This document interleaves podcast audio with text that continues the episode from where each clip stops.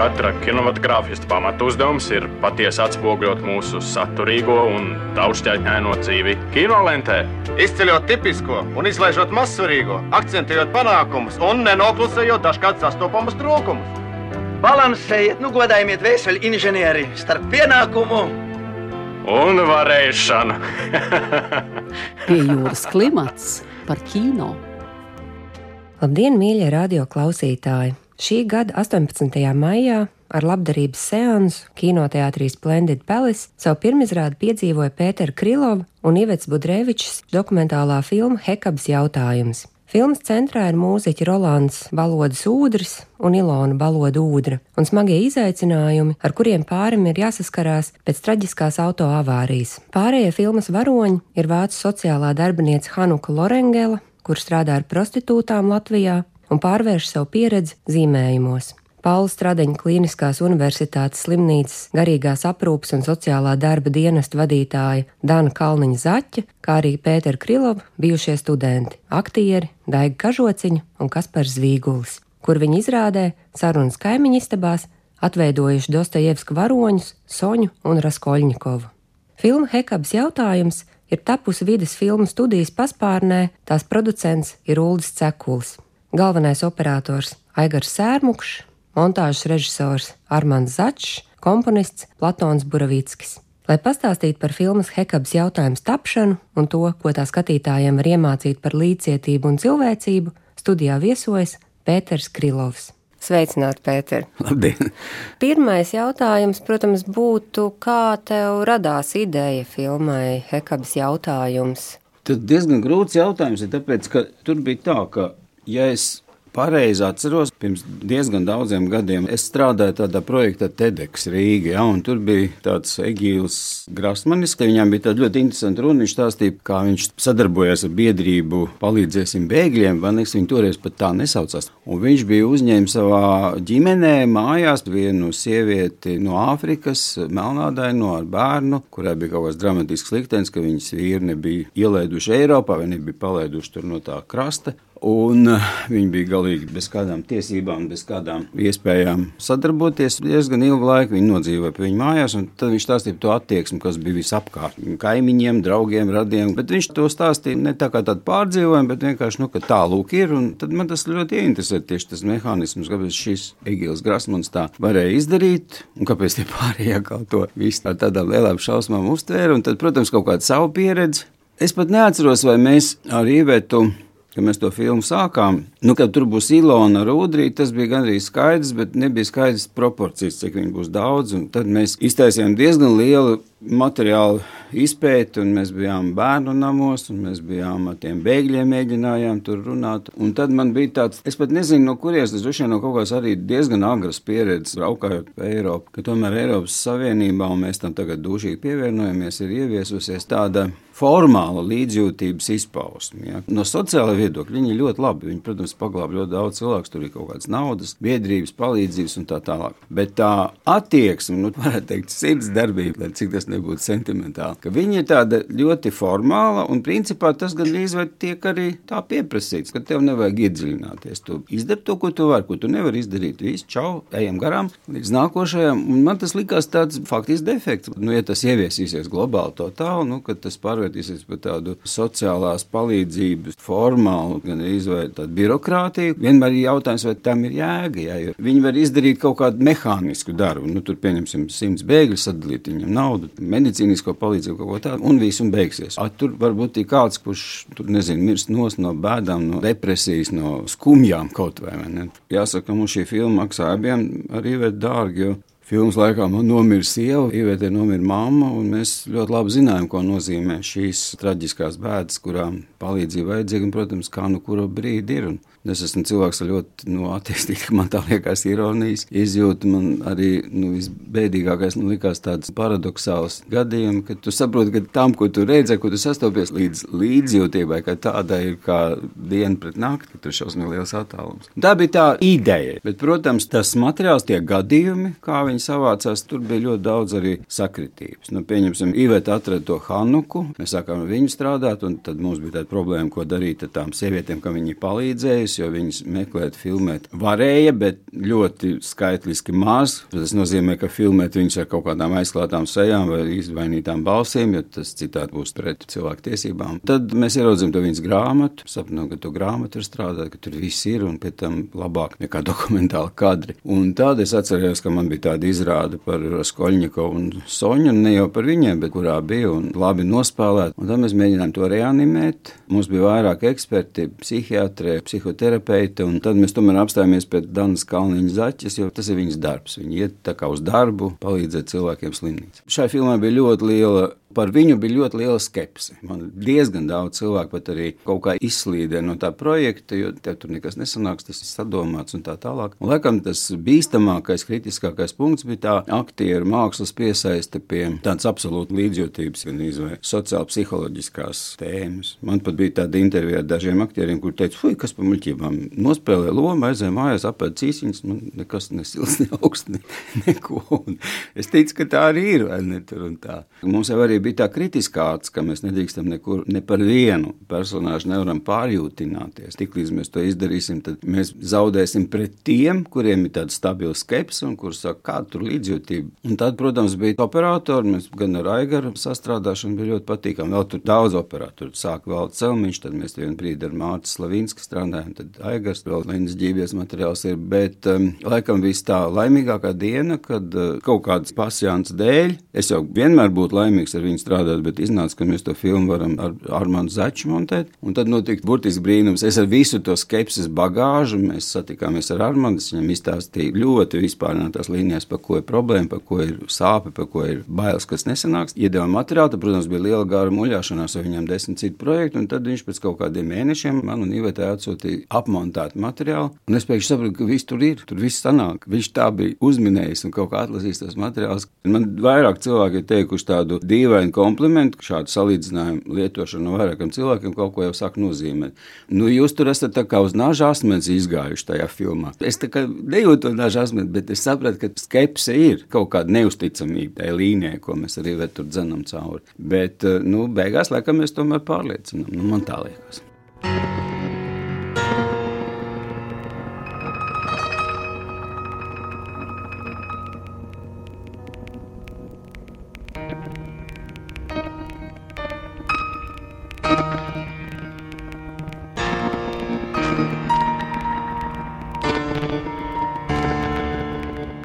Kā tev bija strādāt ar uh, otru režisoru Ivetu, ar savu bijušo studentu? Tev vispār daudz apkārt, tev bijušie uh, studenti ir tagad komandā kā tavi kolēģi. Kāda Jā. ir šī situācija? Es teikšu, ka ļoti labi. Es patiesībā sakot, novēlu to katram, bet, lai to piedzīvot, vajag ļoti novecot un pa to laiku savākt kaut kādu barīnu skolnieku. Citādi nesanāk. Bet tieši tāpat kā ar Armādu, ar Ivetu mums nebija nekad īpaši. Nē, mēs strīdējāmies par to, vai varonis, vai notikums, vai rakurs, vai viņš mūsu filmā tomēr der, vai nebūs izlikšanās vai ko.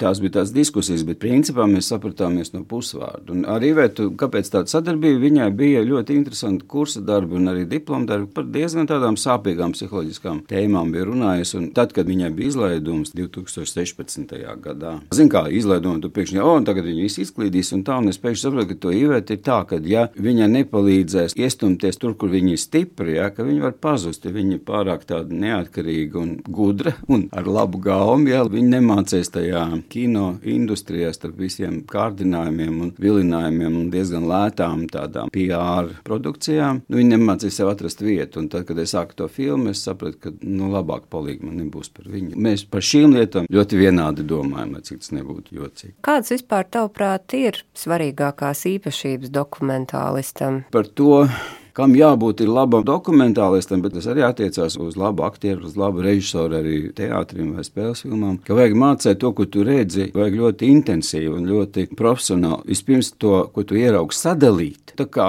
iespēju sagrupēt detaļās. Tas ir tas, tas ir tas, tas ir tas. Un pēc tam no jauna to atkal savienot priekš sevis, iztulkot tā tēlā vai priekšstatā. Tā ir tā tehnika, kas ir jāpielieto faktiski jebkuram. Bet dokumentālistam tas ir svarīgi, lai tu ieraudzītu, ka tas varonis, ka tu viņu tā esi sadalījis, un tad tu savēc atkal viņu pa savam kopā, tad tu saproti, ah, viņš ir baigi interesants. Viņš ir ļoti, ļoti priekš tevis iespaidīgs. Tu gribi par viņu runāt. Un šī darbība, tā ir universāla. Tev neatbūt tikai par dokumentālistu. Tagad, kad es jau esmu cik gadus taisījis tikai dokumentālās filmas, tad es, protams, lai sevi višķiņ tos pašapziņu celt, es visiem saku, ka man liekas, ka dokumentālais kino ir īstāks kino. Fikšana filmās tur var visu, ko sabāstīt, ko sadomāt, un neviens tev nevar pat pārbaudīt, no kurienes tu to ņēmi.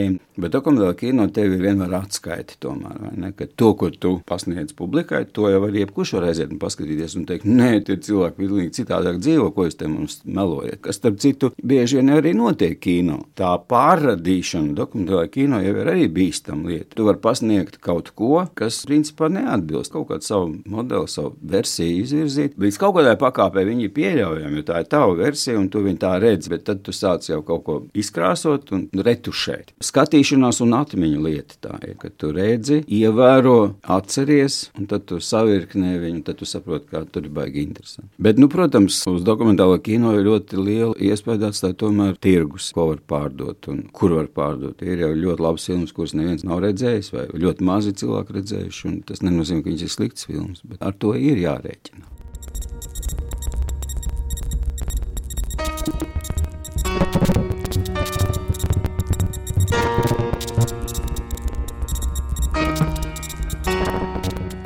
Vai šī māksla kā tāda var veicināt šo līdzjūtību, cilvēcīgumu, sevišķi šī brīža politiskajā situācijā, vai māksla var kaut ko darīt lietas labā? Noteikti var. Mēs dzīvojam tādā īpašā, nu, nevis īpašā, es domāju, ka civilizācijas attīstība ir sasniegusi to līmeni, ka civilizācijas institūcijām, valstīm, nācijām, vienalga kādām tur organizācijām, ir ļoti svarīgi turēt savus iedzīvotājus, par tiem, kuriem viņi nes atbildību, ļoti lielā pakļautībā. Pie tam tā pakļautība ir visādi ekonomiska, vēl tur kaut kāda, un arī tā pašā reizē viņiem jābūt ar diezgan strikti orientētu domāšanu. Un priekš tam lai to uzturētu, ir neskaitām līdzekļi domāt, kuros ietilpst arī tādas sociālās līdzjūtības institūcijas, to, ko es iesāku runāt. Ka, nu, mums vajag visiem palīdzēt, mums vajag tiem palīdzēt, un šitiem palīdzēt, un viss.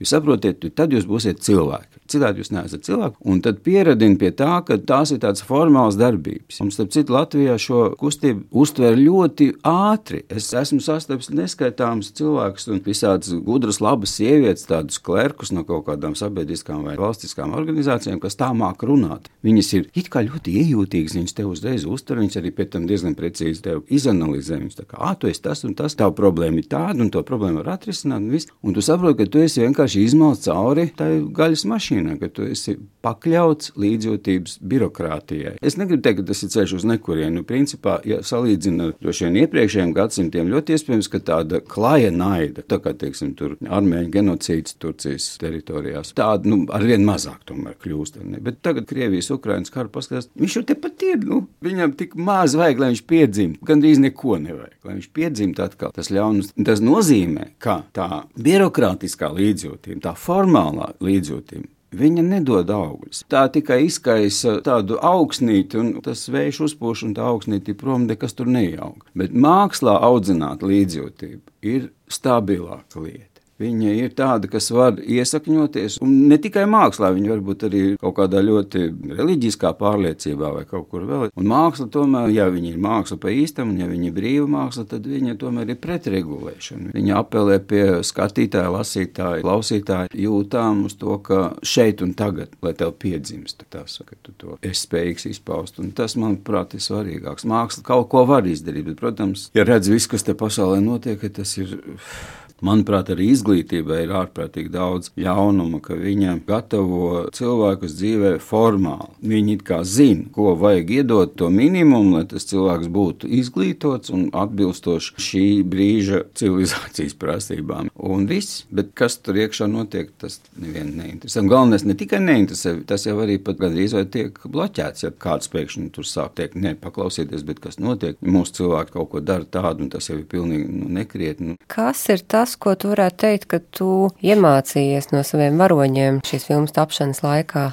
Es tomēr domāju, ka Ilona te ir, protams, ka viņa ir zvērs savā optimismā, ticībā tam, ko viņa dara un vispār tai savā spēkā. Un ar visu to, ka viņai, protams, tas maksā. Tāpēc mums bija ļoti svarīgi uzfilmēt viņu tajā kickboxā un vēl kaut kādās izdarībās, ka viņi to kaut kādā ziņā kompensēt. Viņai vajadzīgs kaut kas tāds, lai viņi visu kaut ko darītu. Bet tas, ko viņi dara ar, ar Rolandu, ar to viņa rehabilitāciju, un galvenais, ka tam tomēr ir pat filmā var redzēt to nelielo progresu, bet tas progress ir pagaidām ļoti, ļoti, ļoti lēns. Kaut ko nezinu tādu gadījumu gadījumi, līdzīgi kā ūdrim, ir, kur cilvēks ir stipri sakārtojies par dažiem gadiem. Viņš var staigāt, runāt, iespējams, medicīniskas arī problēmas šeit vairāk. Bet es domāju, ka tas arī mūsu filmā ir tas, ko mēs ļoti gribējām, lai tas būtu, ka to filmu noskatoties, ka tu iegūst sevī spēku, viņa tiek ar to galā, un tu nevari tikt tur ar kaut kādiem saviem, kaut kur nevar atrisināt šīs problēmas. Tad tu neesi cilvēks, ja tu par to sūksties un ņemies. Hanuka strādāja savu, bet tur jau ir tā lieta, ka viņam nestrādā tikai formāli savu sociālo darbu. Kaut gan viņi ir profesionāli ar Vācu universitātes izglītību, viņi visi zina, kā jādara visam, kā tur ir. Bet to, kas viņas tajā zīmējumos redzams un tajos stāstos, tie zīmējumi ir tādi, kā pat ļoti tādi komikas stilā, tādi ļoti primitīvi kontūru zīmējumi, bet tur ir dažas, sevišķi tās vīriešu sejas izteiksmes, kas viņai bija. Tur redz, kas tas pat tip, tur redz viņu domāšanu. Un tas ir tas, ko neviena institūcija, neviens sociālais dienas no tādas Hanukas neprasa. Vienkārši, ej, izdari. Neviens pat neprasa, lai no viņas darba būtu kaut kāds baigi paliek paliekošās laika ziņā pēdas. Pēc gadiem tur tas viss attīstījās un kļuva par kaut ko vienkārši šodien vajag izdarīt, un kas būs rītā, to domāsim rītā. Bet viņas attieksme var redzēt, ka viņa ir tālredzīga, ka viņa redz tur to problēmu.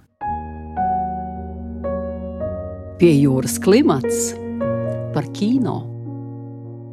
Kā tavuprāt, kultivēt sevī šo patieso līdzcietību un cilvēcību? Tieši tas, ko es teicu par to birokrātisko civilizācijas, nu, rietumu kultūru, varētu teikt, ja, ka viņa uz to ir balstīta, ka tu vari tās globālās lietas pēc savas būtības, nu, es nezinu pat kādu vārdu atrast, pēc savas sirds attieksmes, tu vari nekad neapgūt. Tev tikai vajag atdarināt birokrātiskās izskata un intonācija lietas. Es esmu redzējis šur un tur kaut kādās organizācijās, tu aizēji, un tev priekšā sēž, pieņemsim, klerks. Un redzēt, ka viņai pilnīgi pie pakaļas, kas tu esi, kā tev iet, kā tev neiet. Viņa vienkārši tā skatās, bet viņai ir tonis, ko viņa zina, kā runāt. Mīlīgi un tā ļoti viegli un tādās bišķiņ dzēstās balsīs, tā, ka nekas netiek uztverts un tā tālāk. Un tu saproti, ka es tādu balstu toni izdzirdu, man, piemēram, visas lampiņas iedegās, jo es saprotu, ka man ir darīšana vienu melu maisu. Viņu vajadzētu caurdurt, lai viņam pārtrauktu to melu. Bet tas jau izglītībai ir jādara. Tas jau ir tas, ko arī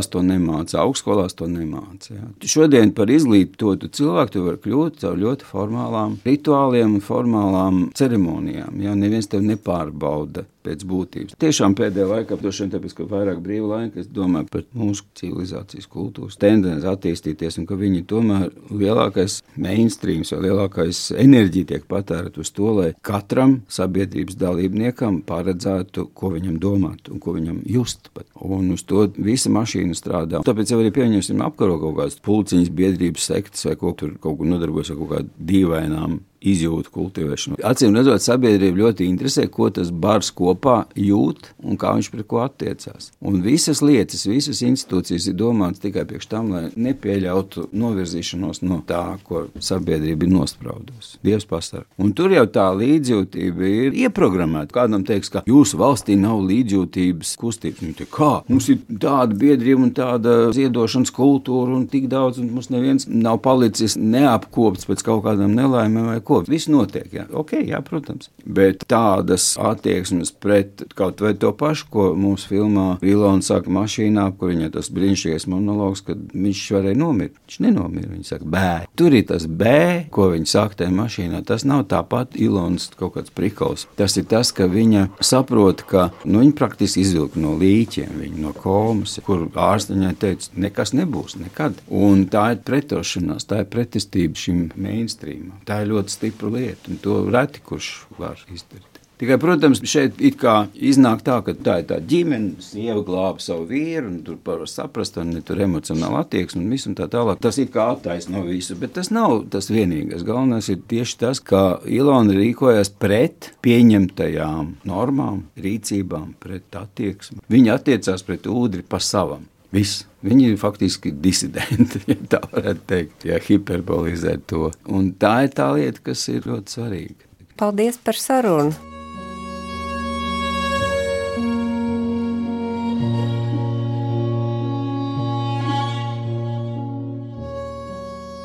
Radījumu vadīja Marta Elīna Martinsone, montēja Andra Černievska. Raidījums tapis ar valsts kultūra kapitāla fonda finansiālu atbalstu.